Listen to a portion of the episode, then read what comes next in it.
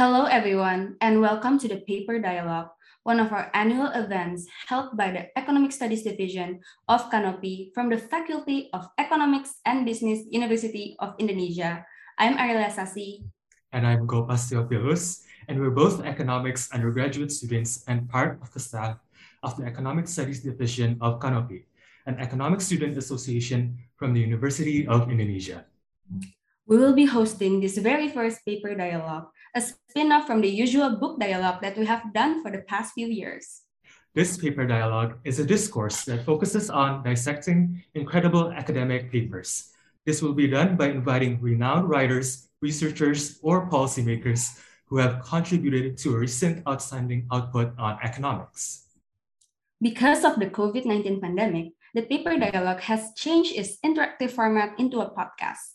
This format has been chosen due to its capability to reach broader audiences during the period. Even though most of the world has reverted back to its pre pandemic way of life, we found a new use of this podcast format. It enables us to discuss with renowned economists outside of Indonesia. In this paper dialogue, we will specifically discuss an academic paper titled The Challenges of Universal Health Insurance in Developing Countries, Experimental Evidence from Indonesia's National Health Insurance. This paper, co-authored by Professor Benjamin Olken, Abhijit Banerjee, Amy Finkelstein, Rema Hanna, Arianna Ornaghi, and Sudarno Sumarto, was published in the American Economic Review, one of the oldest and most respected scholarly journals in the profession of economics. As it was written in the paper's abstract, this paper has findings which underscore how weak administrative capacity can create important challenges in developing countries for achieving widespread coverage of national health insurance. This paper specifically focuses on Indonesia's national health insurance system, from barriers to enrollment, weak administrative state capacity, and inaccuracies in the state's civil registries. There are a multitude of problems that decrease the effectiveness of Indonesia's national health insurance system. From this paper, we are given specific insight on how Indonesia and other developing countries can design policies to better its national health insurance system. And now our speaker for this podcast is one of the co-authors of this paper, Professor Benjamin Olken. He's currently the Jane Berkowitz Carlton and Dennis William Carlton Professor of Microeconomics in the Massachusetts Institute of Technology and the institution's director of Abdul Latif Jameel Poverty Action Lab. Along those lines, he is also an editor of the American Economic Journal in Applied Economics and the co-director of the NBER Development Economics Program. Thank you for taking the time to talk with us, Professor Olken. Um, how are you today? Very good, thank you. It's my pleasure to talk with you about this paper. That's really good to hear, Professor Olken. Um, before we start, would you like to tell us what's the backstory, perspective, and also your specific role that you had behind this research, this research paper? Sure, I'm happy to tell you a bit about the backstory. So the backstory of this project was in uh, 2013, actually, we had a uh, held a conference in Jakarta in which we were trying to identify kind of what were some of the really important questions that were uh, facing the government of Indonesia at the time, and how we at J-PAL could think about assisting the government in answering some of those questions. And kind of the key, one of the key takeaways from that that discussion was that Indonesia had just recently passed sort of a social protection law, which has sort of established um, BPJS Kesehatan and sort of had laid the framework for sort of you know, moving towards universal health insurance. And from the beginning, I think that the policymakers understood that the, the biggest challenge in BPJS Kesehatan uh, or, or in, in JKN, Jaminan Kesehatan Nasional, was, was going to be the informal non-poor sector. So just to, to, step back for a second, the way that Indonesia has broken up sort of health insurance coverage is, is in three different groups. There's the formal people who are formal em- employees in the formal sector, right? So these people basically um, are covered through um, JKN, but they but the, the coverage for that comes through their um, uh, payroll taxes um, that are taken out, you know, held by their firms from the paycheck. So that's pretty straightforward. You know, if you if you're in a formal sector, you pay taxes. They sort of withhold the taxes for health insurance, and, and you get coverage that way. For the poor, uh, who were identified through the, you know, in various ways, the government said, look, you know, these households are, are not wealthy enough or, or not able enough to pay premiums themselves. So they should be covered directly through the state budget. So that's also kind of straightforward in some sense. I mean, you have to pay for it, but of course, their their coverage is is, is covered. What that leaves is the informal non-poor, right, or people who are not in that poor category, but not in the formal sector. And there, the government said, well, we'd like those people to pay premiums, and that actually makes eh, for, for health insurance. And actually, that makes sense because if you if you didn't have them pay premiums, then you would have a, a wedge between the formal sector and the informal sector. You'd sort of be making it like a reason for people to be informal. So you don't want to have that. You want to have to pay something. Um, but the challenge is you need to sort of convince people to pay, right? You can't withhold it directly from their paycheck. You need to convince them to pay. And from the beginning, I think the government recognized that this sector, and it was referred to as JKN Mandiri, I believe, was the is the how how JKN sort of puts forward that sector. I think the government recognized that that was going to be a big challenge, and in particular, not only is the challenge sort of getting enrollment high enough in JKN Mandiri, but there's also a problem of adverse selection. And the, the economic issue is that it, or basically the issue is you know, if people are free to enroll if they want to, or if there's sort of weak enforcement of the mandate, then who's going to enroll? It's going to be the people who are sick, right? People who say, oh, I really know I need health insurance coverage, I'm really sick, or I have some chronic condition, or whatever. Those are the people who are going to want to, to pay the premium.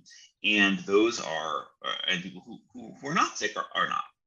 And that is, you know, there's a there's a long history of sort of economics uh, studying of this question, and we know that sort of in insurance markets, if people can decide whether to buy the insurance or not, you have this problem that basically that you know for any given price or any given premium that's charged, the ones who are going to make the rational economic decision to enroll are the ones for whom the expected benefits are going to be greater than the expected costs, and those are the people who are going to be sicker and sicker.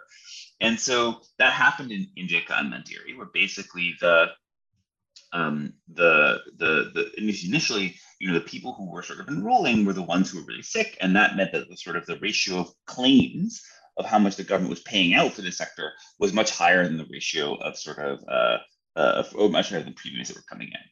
So that's kind of all about backstory. So basically, basically, this is all sort of I think people understood, policymakers understood from the very beginning that this was going to be a, a challenge, and it was indeed a challenge. And so the question that we were sort of you know asked to sort of help with was were there ways of increasing enrollment in JKN Mandiri and sort of what were the best approaches to doing that? So that was sort of the backstory and why we were asked uh, to get involved and work with with JKN to sort of see what approaches could be could, could make sense there. So that's a bit that maybe a longer answer than you expected.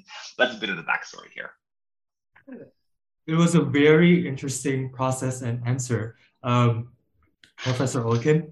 And after we read your paper, and perhaps you have already mentioned it, uh, you gave us an overview of the Indonesian healthcare system and its current public health insurance policy.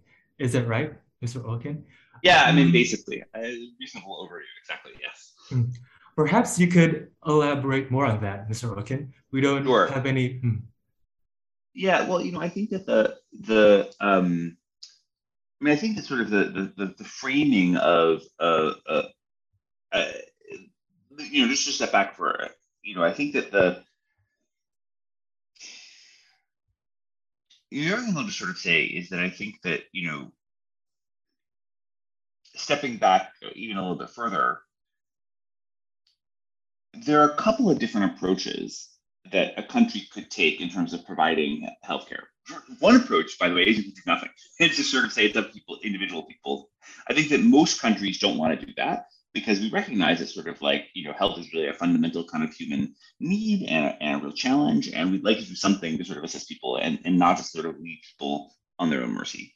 And also we don't want we understand that health is very risky and so that's the reason that people want health insurance to sort of help sort of smooth those risks. But we know that private insurance markets don't necessarily work very well for a variety of reasons and so often you know governments often get involved to sort of help people manage those risks you know, the the government, gov- there's a bunch of different approaches that different countries have taken um, to this problem. One approach, which if you think about it, sort of was the approach of Indonesia prior to this, was to say, look, we're going to have a public system um, where we're going to provide basic care at pretty low prices. So, say for like you know through Puskesmas, for example, or uh, other kind of government facilities, and um, people are going to get basic care, and you know if they need to go to the hospital, it's going to be expensive, and that's going to be a kind of a risk. But even that's going to be heavily subsidized because they're sort of through the government sector.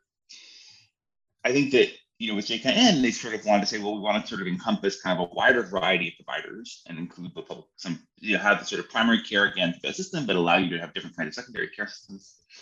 Um, but anyway, one approach is basically just provide the care directly. A second approach is to have the government become essentially a single payer for everybody, right? And and you know, rather than sort of have this complicated sort of three-part system that I described before, another approach would be to say we're just going to give everybody JKN and the government's going to pay through its state budget. Um, that has the disadvantage that it's a lot more expensive. So basically, you then instead of just having to cover the premium essentially for the poor, you got to cover the premium for everybody. Um, but that's another approach that you could have taken. Other countries could take. That, that some countries have taken. But you know, that as I said, that has a much higher um, require has much much higher sort of budgetary needs, right? And so if you don't have to do that, you might not want to do that. Uh, and so, and the third option is kind of the one that Indonesia took, which is sort of this this hybrid option, where potentially they're basically covering the covering the poor through the state budget, you know, collecting taxes for the sort of informal non-poor, and then and then trying to get the sort of the sorry for the formal non-poor, and then trying to get the informal non-poor. So those are sort of other options that you sort of could have taken, and different countries have sort of taken those different strategies. Uh, but I, I, certainly think it's a you know what Indonesia is trying to do is very reasonable. The, the the real challenge there is what do you do with this with this middle the, the, this middle tier, this informal non-poor tier, and how do you get them to sort of pay to pay is sort of the real challenge. Great. That was really nice knowing your view on this, Professor Wilkin. There's going to be a, more questions elaborating on how a country uh, will handle their healthcare system. And regarding that, perhaps could you uh, tell us more on how the current economic condition of a country, and specifically in Indonesia, affect the system, effectiveness, and participation of its national health insurance program? Sure. There's a couple things. I mean, I think that the one key thing to think about is the so um, as countries um, become richer in terms of their per capita GDP, one thing that tends to happen is that the share of the of people who are kind of formal sector employees tends to go up. Okay, so it's actually been very nicely documented in other contexts that basically, and this is true both uh, if you look across countries today, sort of, you know, countries with higher versus lower levels of GDP per capita. Also, if you look uh, even say at, at, countries that are that have high GDP per capita now, but look kind of backwards in time historically, it's a pretty robust pattern that basically one thing that happens as countries become richer is that you get more people who are employees and those and particularly employees in kind of large formal firms.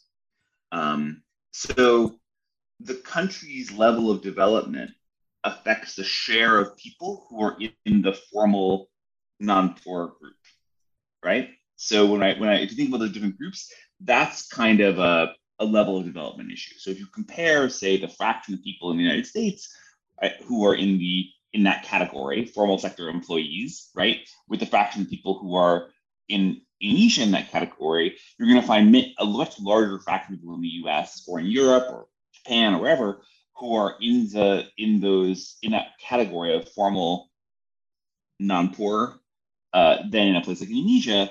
In, in a middle income country like Indonesia, you're going to have some people in that category, but you're going to have a, a much bigger chunk in kind of the informal non-poor category. So that's the first way in which sort of the level of development kind of affects this question. The second way is that the um, as countries become um, uh, richer, um, their tax capacity tends to increase. So not just in terms of the amount of tax, but as a share of GDP. So countries become better able to tax as they become more formalized, as they become richer and typically become more formalized as a share of GDP.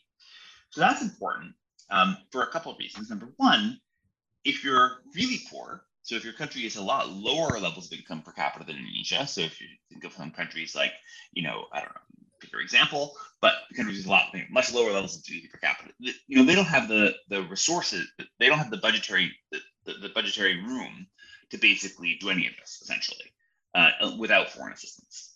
So the fact that Indonesia has become a middle income country is sort of what's making all this possible at some level uh, in terms of budgetary space. Um, so the On the other hand, as you become, you know, as you become kind of even even even higher levels of GDP per capita, you have more more fiscal room and you have more more options available to you. So in some sense, I also think that sort of where Indonesia is in terms of the design of this kind of program is is related to the overall macroeconomic condition of the country. So it's it's you know Indonesia has really grown a lot, you know, even over the past 10 or, or 15 years in terms of income per capita, and therefore has now the fiscal space and tax the ability to tax whatever, and so that has the fiscal space to be able to start doing some of these things and providing this kind of important social insurance, but it's not at the level uh, of you know income per capita at like the U.S. for example, and as a result, that that group that we're talking about, the informal non-poor group, um, is, is is much larger. The other thing which is I think relevant is you know, and I think we're going to talk about this uh, soon. I think is this question of the individual mandate. And one of the things, you know, if you think about these different kinds of programs, one, one, one way you can combat adverse selection is you can basically just require people to buy insurance, right? So you can say it's not a choice, it, it's mandatory. The problem is, you know, you have to be able to, there has to be a consequence if you don't do it, right? So a mandate where I say you have to do it, like if you don't do it, then what? Well, so when other countries have tried this, you know, one of the big things you can do is you can impose a tax penalty, right? You can say if you don't buy the insurance, then we're going to have you pay some tax. Well, this gets back to the same problem, you know, again with the level uh, related to this overall issue of kind of a level of income per capita.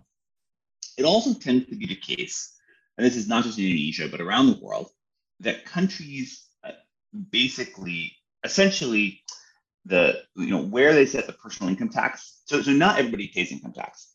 Most people are exempt from income tax because their income falls below the threshold above which you start paying income tax.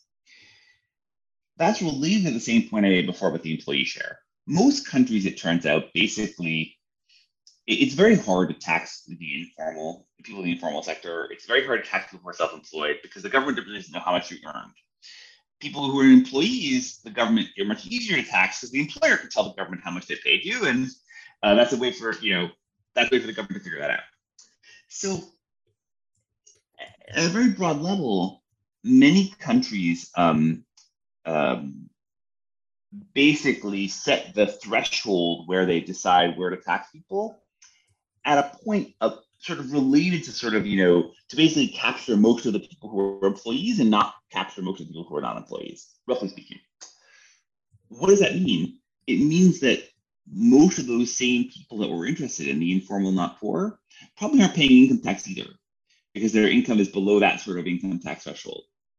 So that creates a problem because it's very hard to create a mandate and sort of enforce it like what are you going to do to people right? If you if you if you if you can't tax them kind of what consequence do you have? And so what you end up being left with is sort of a mandate that doesn't really have a lot of force.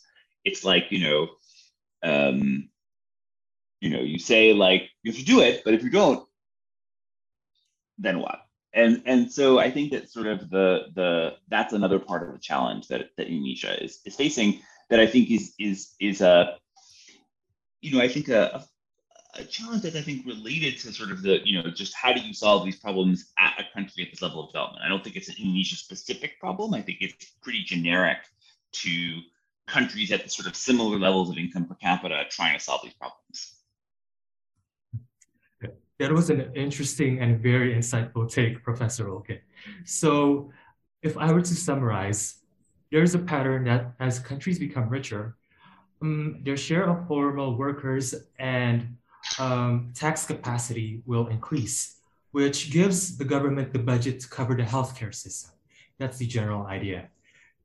Regarding that, perhaps uh, could you elaborate more on um, Indonesia's individual mandate that you have uh, mentioned uh, on its national health insurance plan? Uh, so Indonesia has created a contributory health insurance system with an individual mandate, which is a requirement by law for Indonesian citizens to take part in its national health insurance plan. However, as what you have said, um, its mandate is currently toothless, which means that there are virtually no consequences in abstaining from it. This basically created low program enrollment and adverse selection in Indonesia's national health insurance. Um, because of that, Can you elaborate more on the benefits and drawbacks of Indonesia's individual mandate? And is it actually necessary in Indonesia's national health insurance program? Do you think that with no individual mandate, it will cause a drastic effect on the government's national spending uh, on its national health insurance? Great question. So let me also just say that we did this research a few, we did this study a few years ago. So it may it may be the case that there have been policy changes since we did the study that I'm not aware of. So I just wanted to sort of put that caveat out there. You know, certainly possible that JKN has made some changes that I that, I, that I'm not aware of since then. Um, but in general, yeah, it's a good question. You know, I think that um, I think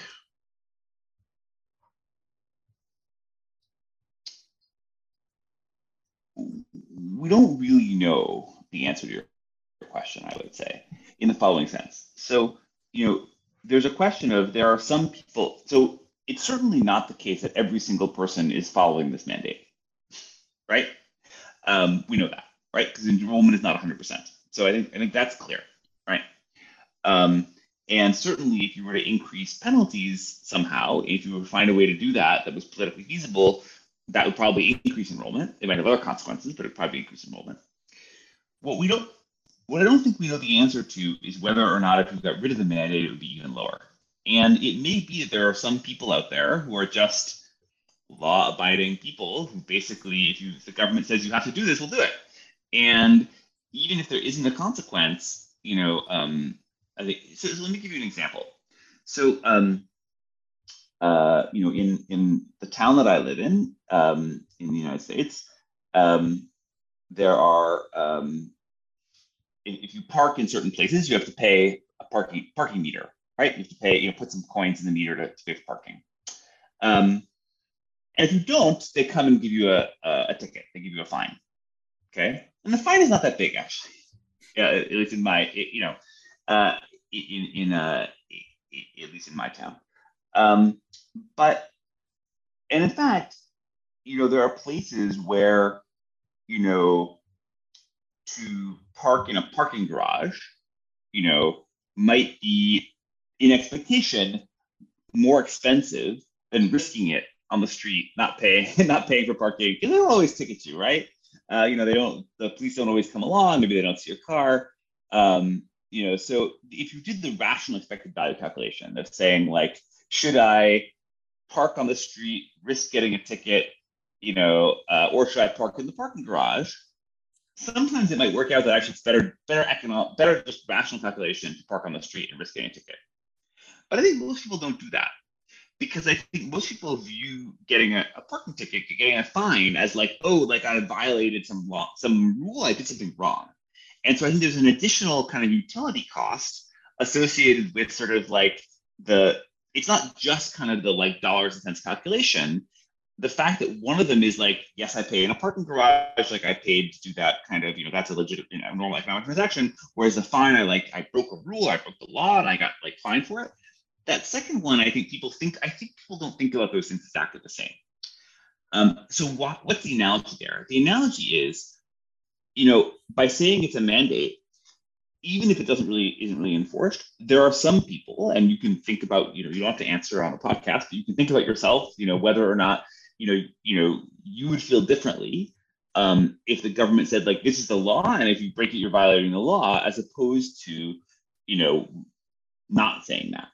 So it, it wouldn't surprise me if a mandate, uh, you know, a mandate with no enforcement is not very strong, but it may be stronger than nothing. And so I don't know any good, I don't, it, there may be evidence in this question. I don't know of any evidence in this question. Um, but um, uh, it wouldn't shock me if just telling people at least has an effect for some people, and maybe it helps a bit. You know, the other thing is it also may assist the government in getting enrollment in other ways. For example, imagine you go to the hospital, right? You know, then the hospital can say, oh, by the way, you know, like JKN is like, you know, uh, budget, like it's like mandatory. You have to do it. You want like there are different. It, it, that the fact that it's a mandate may create opportunities for people in the healthcare sector to sort of increase enrollment by saying, like, if you want to come in and get served, have to like, you know, sign up for JKN first. because it's mandatory. So so even that may also be another way of where it sort of has like uh, positive positive spillovers. That's a that's a long uh, answer. It's a long way of saying I don't know, um, but I I suspect it's different. I suspect even a mandate with no penalties is probably um, not the same as not uh, is probably different than not having a mandate whatsoever. That's my best guess. Thank you so much for your really insightful answer, Mr. Olken. That was still really um, an interesting take for us to hear. Yeah, that's still an issue that the government will have to work on. And if you don't mind, Professor Olken, there are some questions that I've been waiting to ask. I would like sure, to know ahead. your okay. I would like to know your perspective on the situation. So, as you mentioned before, some countries such as Thailand have created a single payer like system, right? Funded entirely out of tax revenues and supplemented by small co-pays. While Indonesia have sought to create a contributory system with an individual mandate that you mentioned before to reduce the financial burden on the government. Well, in this system, the very poor are subsidized by tax revenues and everyone else is required to pay a premium, like you've mentioned before and collected through a payroll tax for formal sector workers and also collect, collected directly from individuals for everyone else. Now, um, can you help us elaborate on how a contributory system specifically reduces the financial burden on the Indonesian government? And sure. if we use a single payer system, do you think it'll work better for Indonesia's healthcare? That's like um, something we have to think about. Yeah. So I think that the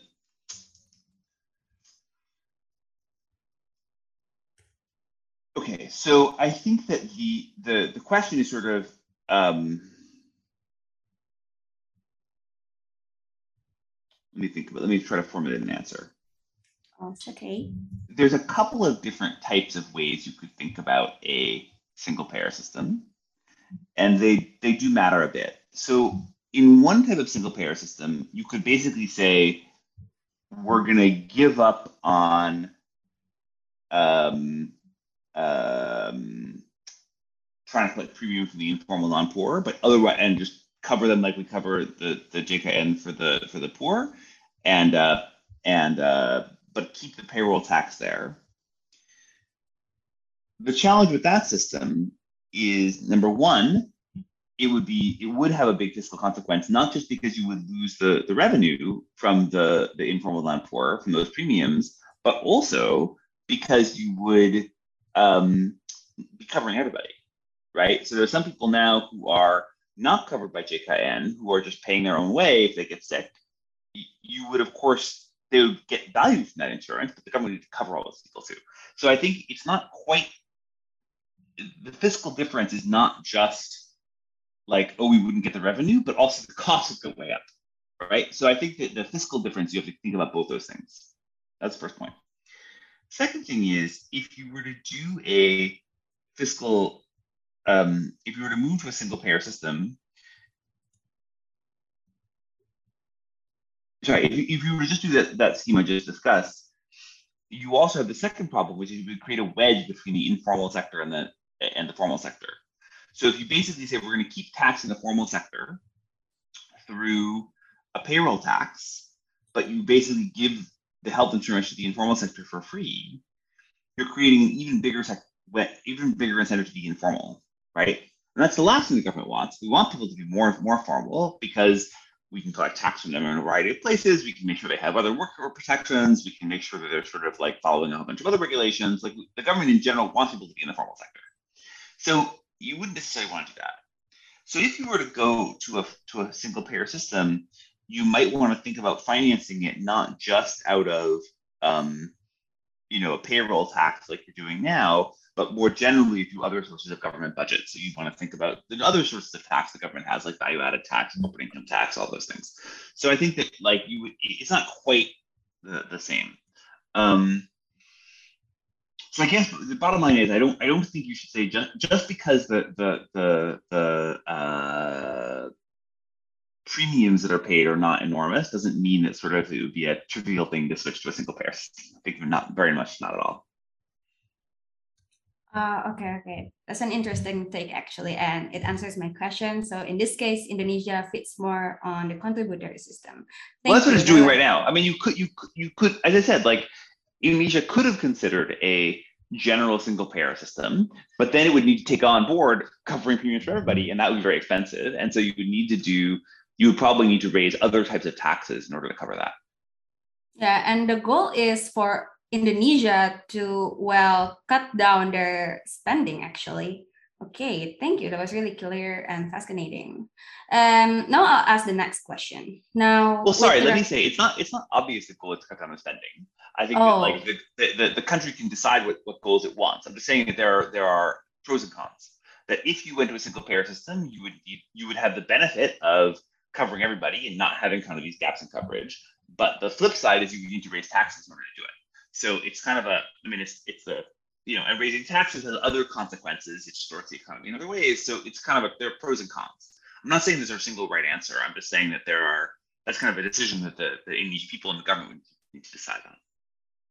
Hmm. Okay, thank you. Um, that was really clear and fascinating, actually. now I'll ask the next question. Um, with rising commodity prices and also unstable macroeconomic conditions, and the global economic recovery from the COVID 19 pandemic, are there any other financial implications regarding the national health insurance subsidies toward household and the government in Indonesia? So, what do you mean? Sorry, Ariella, can you clarify your question a little bit? Oh, I'm sorry. So uh, I'll repeat with rising commodity prices and unstable macroeconomic conditions, and also uh, during a global economic recovery from the pandemic, are there any other financial implications regarding the national health insurance subsidies toward household and in and the government in Indonesia? Basically, the current economy that's uh, a bit in chaos um, and how it affects the national health insurance subsidies toward household and the government in Indonesia. Yeah, well, a couple things to think about. The first is obviously, you know, the the the source of a lot of the current crisis is ultimately comes back to a health crisis, which is the pandemic. So, you know, you wouldn't necessarily want to be cutting back people's access to healthcare exactly at a time when you're facing a health crisis. So that's sort of one thing to think about is that like, you know, there is sort of a and you know, just because the initial wave of the crisis has gone down doesn't mean that we're necessarily totally out of it either. Um, and so I think making sure that people are protect that people are protected in case you know there are other sort of types of you know rebounds or whatever is something to think about. Um, the second thing is, you know, I think that the biggest challenges right now to the state budget, uh, you know, biggest challenges right now for the, for the government are probably coming more from, um, you know, other challenges about commodity prices, you know, the fuel price and sort of the fuel subsidy, you know, things, energy subsidies. You know, I think that's probably where the the, the biggest shock change is. I think actually, I don't know the answer to this question, and I, I would encourage because I, I haven't looked at the budget numbers, and I would encourage you to go do so. But I suspect you would find that the biggest changes in the government budget are not coming from changes in health insurance, either spending or receivables, but are really coming from you know what's going on on energy prices um, and commodity prices, both on the revenue side and on the expenditure side. And I think that actually, from a macroeconomic perspective, I think probably where you know if you if you were the minister of finance, uh, you know, what you'd be worried about is kind of probably much more sort of the costs and benefits of, of those types of shocks rather than through health insurance, my, my suspicion. All right, thank you, Professor Olken. So far, this has been a really insightful discussion on Indonesia's national health insurance. And maybe we could discuss something that just recently happened to Indonesia's healthcare system. So basically, Indonesia has just abolished its coverage coverage classes and has increased its average premium on its national healthcare insurance. So instead of three classes differentiated by its premium and quality of healthcare, there will exist a universal quality of healthcare for all insured people. What are your thoughts about this? Well, that's so, so. Actually, let me let me say, as I said, I haven't followed these latest developments as, as much, so I don't know the details of this. Do you know, can you tell me a little bit more about sort of what the what the um, what the new policy is? Is it equivalent to the old class three or class two, or what? What's the? Oh yeah, um, it is about class one and class two and class three. Um, so basically, the old one uh, had three classes, and what's the new? How does the new one work? Uh, the new one basically abolishes the classes. So everybody, there will exist the universal quality of healthcare for every insured people. That's how it works. And which class, which quality classes it correspond to? Um, they haven't specified actually, but basically, basically there will exist universal quality of healthcare, and this will actually continue to our next question because the next que- the next question is, um, what advice do you have for the Indonesian government to ensure an equal high quality service of its healthcare to all citizens while maintaining this policy? So you know, let me just say, it's not. I think there are pros and cons of this kind of policy, right? The, yeah. the pro is the government may want to have a policy which basically says we're going to treat everyone equally and you can't buy better quality healthcare. Um, the the con is the, the downside of this kind of policy is, you know, we might have a view that we want to make sure that everyone's health is sort of treated equally, but the sort of amenities that you uh, get to have while you're having that healthcare might be less important to be equal. For example, we might say, look, if you have cancer, we want to make sure everyone is treated for cancer. But, you know, everyone doesn't need to be treated for cancer with a private room with air conditioning.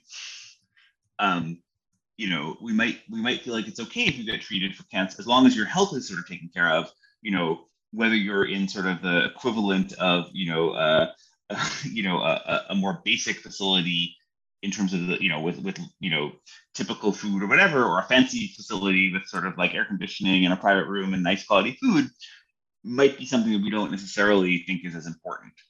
And if that's the case, the government might be able to raise a lot more rev, but some other people, individuals might care about that. People who are richer might say, well, you know what, actually, I prefer the private private room or whatever. I'm going to pay a lot for that.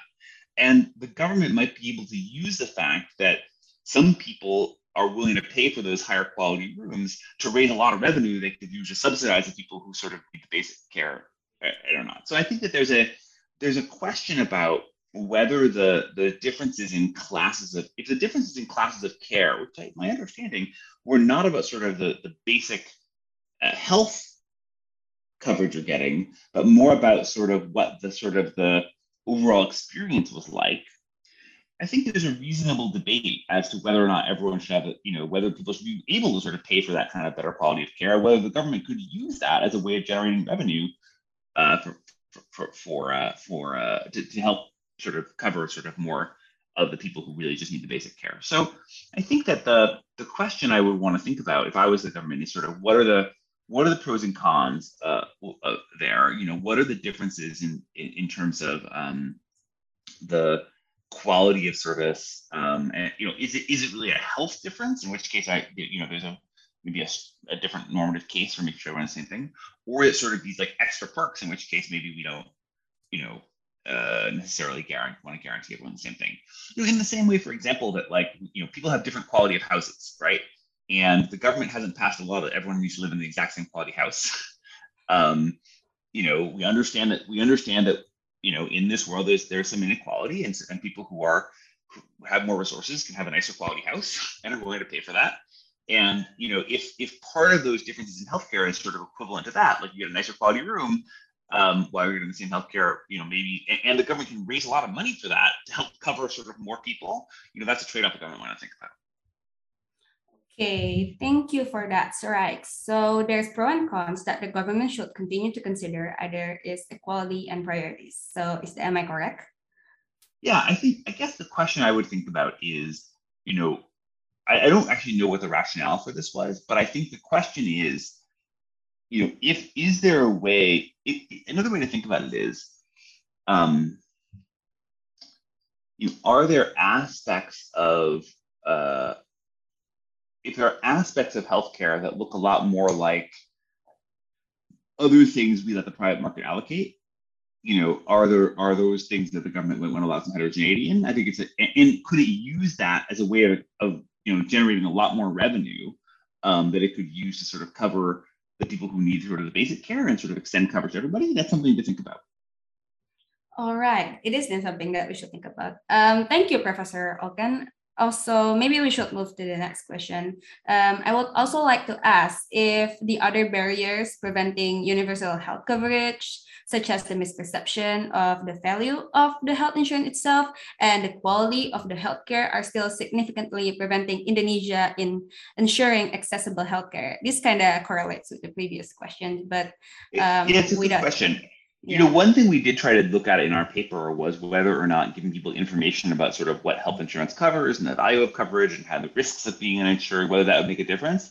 And we found just providing that kind of information made no difference whatsoever in terms of enrollment decisions. One thing we did find was we, we but, so on the one hand, just telling people stuff doesn't matter. We did find that there's a bit of an experience effect. So people who have experience with the health insurance do tend to be more likely to continue it later. Not 100%, but people on you know on average, some fraction of people, if they have the insurance for a period of time, decide, oh, actually, this is pretty good, and actually, I kind of really value this, and I want to keep this in the future. So that does suggest that sort of as people get more experience with health insurance, that may sort of increase demand for it altogether. Uh, the other thing I'll say is that is that one thing we found was that sort of making the enrollment process easier could actually also make a difference. So we found a large number of people who were, you know, if we said, you know, here's the thing, here's insurance, would you like, would you like our help signing up for it? They said, sure. You know, if we could do it at home, like we'll we'll bring a laptop to your house and help walk you through the enrollment process. They said, great, let's do it. But then they had problems sort of getting actually uh, enrolled due to sort of you know challenges in the administrative data or whatever, and they didn't succeed in getting enrolled. So I think it looked like there was a big gap between the people who at least stated they were willing to have coverage and the ones who actually did due to sort of those enrollment barriers. And so anything the government can do to make it um, easier for people to sign up for the health insurance is likely to be be effective. Fascinating, actually. Um, perhaps, Professor Olken, um, this actually also correlates with the previous question. Um, can you elaborate any methods you can propose to increase enrollment and reduce adverse selection in Indonesia's national health insurance program? Um, this actually um, is the main topic, right, uh, in your paper. But we yeah. want to hear it. We want to hear it from yourself on how would you propose to increase the enrollment itself. Sure. So we you know, we found a couple of things that were successful. One was you know temporary price reductions. So basically, almost like a trial period, right? Uh, you know, that actually we found was successful um, and in actually increasing enrollment uh, a lot because it got people into the system, they got experience with it. Um, so actually, we found that, that was actually a policy that could actually increase enrollment substantially. Um, and not just enrollment, but actually reduce adverse selection by getting healthier people into the system. So actually, it was a was a pretty good idea, something the government could try. And the second thing was we found that admin, these hassle costs or administrative barriers for enrollment were pretty substantial. So anything the government can do to make it easier for people to sign up, I think could could really make a big difference. I think those are the two biggest things I would encourage the government to do, particularly the enrollment barriers. If there are ways of making it easier to sign up, I think all, all you know, the more the more the government can do on that, the better. All right, thank you so much for your answer, Professor Olken. Um, I'm gonna summarize. I'm gonna summarize your advice. So basically, temporary price reduction and reducing administrative barriers can help people uh, enroll way much more than before, right? Correct. Okay, thank you so much, Professor Olken. Okay, we have talked about the challenges that the Indonesian government is currently facing in ensuring universal health insurance in Indonesia. Professor Olken, do you have any final messages that you want to say to us regarding this topic? I don't think so. I think we pretty much covered a, a wide variety of issues there. It's it's great. Thank you very much, Professor Professor Olken for your time and answers today in this paper dialogue. And with that, marks the end of this year's paper dialogue. To listen to more discussions about economic affairs, don't forget to subscribe to Kanopi on Air on Spotify, YouTube, Google Podcasts, and other platforms. I'm Ariela Sasi. And I'm Gopas Theophilus, signing out from this paper dialogue. Thank you for listening.